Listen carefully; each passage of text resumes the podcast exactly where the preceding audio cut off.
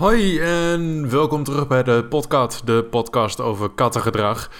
Met praktische tips en nuttige informatie en allereerst natuurlijk een hele fijne dierendag. Ja, je ziet het goed, er is echt een tweede, officieel is dit de eerste. De vorige was eigenlijk een beetje een introductie. Um, wie had dat gedacht? Dat ik alsnog een tweede zou opnemen. En ik snij een onderwerp aan, niet te zuinig. Ik denk dat iedere kat-eigenaar hier wel problemen mee heeft. Ik ga je wat tips geven um, over hoe jouw kat de dierenarts kan overleven. De voorbereiding tijdens het verblijf en als je kat wat langer moet blijven. En wat je moet doen, nou ja, moet, je moet niks. Maar wat je kunt doen als je weer thuis komt. Uh, zo simpel mogelijk, niet te veel poespas. uh, sorry voor die grap. Uh, niet te veel droge stof, maar praktische hulp. Hoe overleeft mijn kat de dierenarts? Daar gaat hij.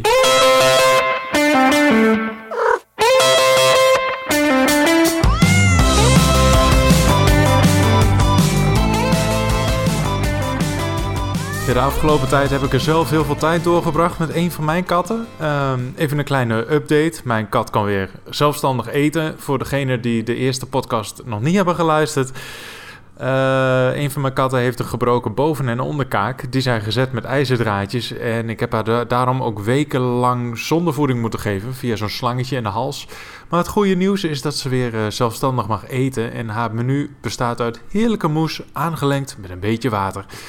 Uh, ja, zodat ze het in één keer op kan slurpen. Ze mag nog niet kauwen, dus dat uh, moeten we goed in de gaten houden. En als ze klaar is, dan uh, zit het voer over haar hele gezicht. Want ze heeft nog geen controle over haar bekkie. Het is heel zielig, maar het komt allemaal goed.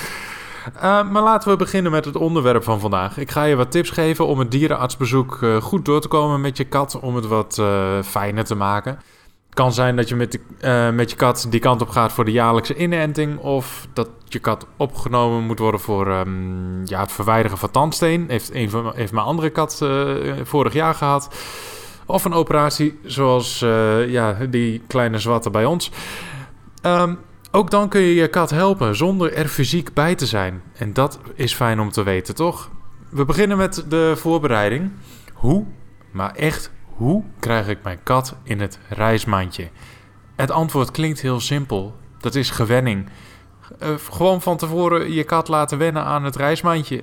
Hoe vaak ik wel niet het verhaal aan moet horen van uh, ja, dat de kat rustig op de bank ligt en dat mensen het reismandje 10 minuten voor de geplande vertrektijd uit de bezemkast pakken, vervolgens de hel losbreekt. Uh, beestje wil kosten wat kost niet in het mandje. Dus die vlucht al meteen naar een plek waar jij niet bij kan. Je begint te grijpen, te roepen, snoepjes te gooien, noem maar op, enzovoort, enzovoort. Klinkt dit herkenbaar? Mo, ik denk dat 9 op de 10 mensen die dit nu luisteren... nu moeten lachen als een boer met kiespijn of instemmend aan het knikken zijn. Mhm, mhm. Je zal dan ook vast wel gemerkt hebben dat dit geen zin heeft. Um, maar wat moet ik dan wel doen? Thomas, help, help me. Nou, heel graag zelfs, daar ben ik voor. Um, allereerst raad ik je aan om het kattenmandje niet op te bergen in de bezemkast. Maar zet hem in een ruimte waar je kat graag is. En het liefst op een kast met een lekker kleedje erin. Een beetje hoog, lekker, zodat je kat daar uh, kan chillen. Geur af kan zetten waar hij of zij positieve associaties mee heeft. Op deze manier leert je kat dat het reismandje een veilige plek is. En niet de poort naar de hel die de dierenarts voor hem of haar is. Um, haal het kleedje er wel even uit als je met de kat naar de dierenarts gaat. Leg hem weer terug als je thuis komt, want zo blijven de associaties met de geur positief. Mocht je hem er niet uithalen en gaat de kat ermee naar de dierenarts, moet je hem na die tijd even uitwassen, want dan zitten er ja, geuren in met negatieve associaties. Uh, al met al een win-win situatie, want jij kan je stofzuiger weer op, opbergen in die bezemkast en je kat heeft een nieuw plekje in huis. En nog een win, je kunt je kat na een tijdje zonder problemen in een mandje plaatsen. Want het is een veilige plek, je kunt je kat er gewoon indrukken, deurtje dicht, klaar. En heel belangrijk, eh, ja, heel belangrijk, maak het reismandje een keer heel goed schoon. Sowieso na elk bezoek aan de dierenarts, want ja, katten laten gewoon overal hun geur achter. En die geur zorgt voor associaties, ik zei het net al. En in dit geval zal dat het uh, duistere verleden zijn waarin hij of zij bij de dierenarts is geweest en overal aangetrokken is. Dus dat vinden ze niet zo fijn. Uh, allerbeste kun je het schoonmaken met groene zeep. En niet, ik herhaal, niet met ammoniak.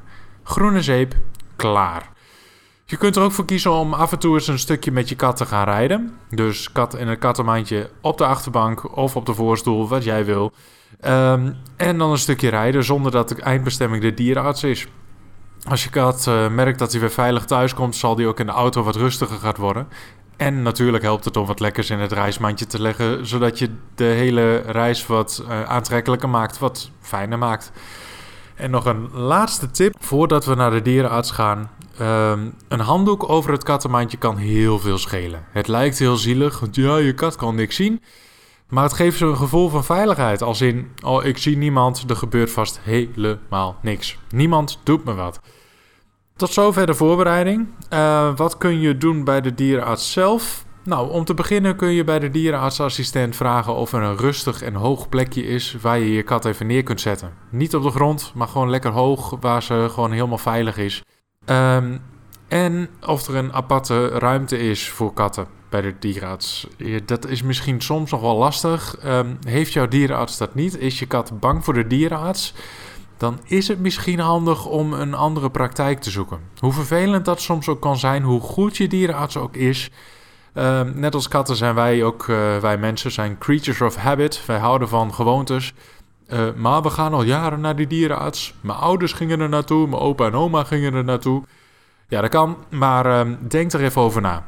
Um, als je dan in de wachtkamer zit, kun je eigenlijk niet heel veel meer doen dan wachten tot je aan de beurt bent. Ja, sorry, klinkt heel saai, maar hier kan ik je echt niet bij helpen. Dit moet je zelf doen.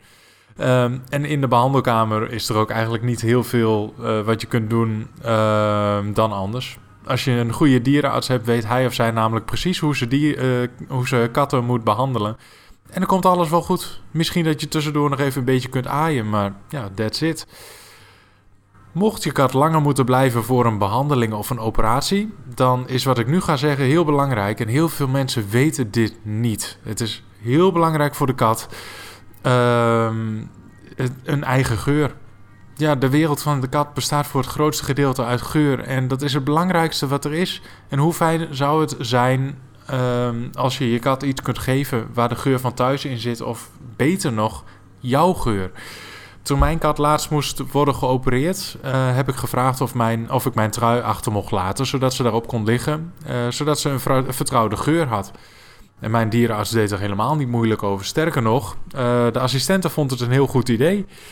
Um, toen ik het neerlegde, was op het mandje in het hokje, uh, ging ze er ook meteen op liggen. En het zorgt gewoon voor zoveel rust. En volgens mij zorgt het voor, voor veel minder stress wanneer je kat opgenomen moet worden. Denk er dus goed over na als jouw kat een nachtje of zelfs maar een paar uur moet blijven. Uh, neem een trui mee die in de wasmand ligt, desnoods, waar, die jij een paar dagen aan hebt gehad, of een dag of een paar uur. Neem hem mee en vraag of je hem achter mag laten. Is heel simpel en ze doen er vaak niet eens moeilijk over. Uh, ik denk dat het nu inmiddels tijd is om naar huis te gaan. Wat dacht jij ervan? Het is wel lang genoeg geweest. Thuiskomen van de dierenarts is voor je kat natuurlijk geweldig. Um, alle vertrouwde geuren en stemmen en geluiden en beelden, die zijn er weer. En ze heeft het weer overleefd. Oh. Um, ik ga nu even vanuit dat je één kat hebt. Uh, ik denk dat het zo meteen wel duidelijk wordt waarom. Ik ga het je zo uitleggen. Want in het geval dat je maar één kat hebt, kun je namelijk heel simpel het mandje op de grond zetten in de woonkamer. Kunnen ze er zelf uitlopen en ja, dat gaat vrij snel. Beste kun je dan meteen als je kat eruit is het reismandje even schoonmaken. Uh, weer met groene zeep en hem met het kleedje wat je daarvoor eruit hebt gehaald weer terugzetten op de plek waar hij eerst stond. En klaar is Kees. Of Willem of Petra of hoe je ook maar heet. In mijn geval klaar is Thomas. Het wordt wel anders als je twee katten hebt. Dan zit je namelijk met een verandering van uh, groepsgeur. Nou ja, twee katten, meerdere katten. Uh, omdat een van je katten namelijk bij die stinkende dierenarts geweest is.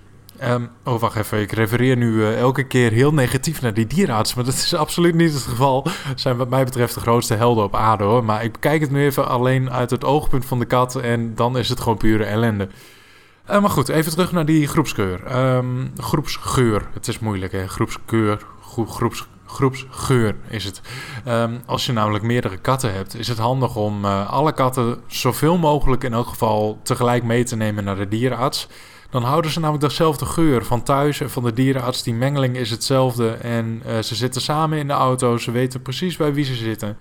Ehm, dit is natuurlijk allemaal makkelijker gezegd dan gedaan, maar in de meeste gevallen kan het wel met de jaarlijkse inenting bijvoorbeeld, of de AP-kat, zoals ik het dan maar heel leuk noem voor oudere katten, de check.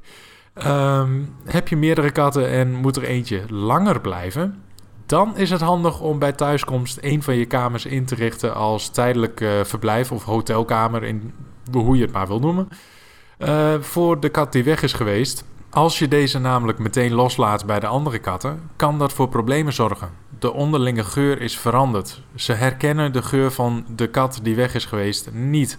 Het kan, hoeft niet, uh, kan heel erg voor problemen zorgen. De kans is heel erg groot dat uh, ja, de relatie onderling echt verstoord gaat worden.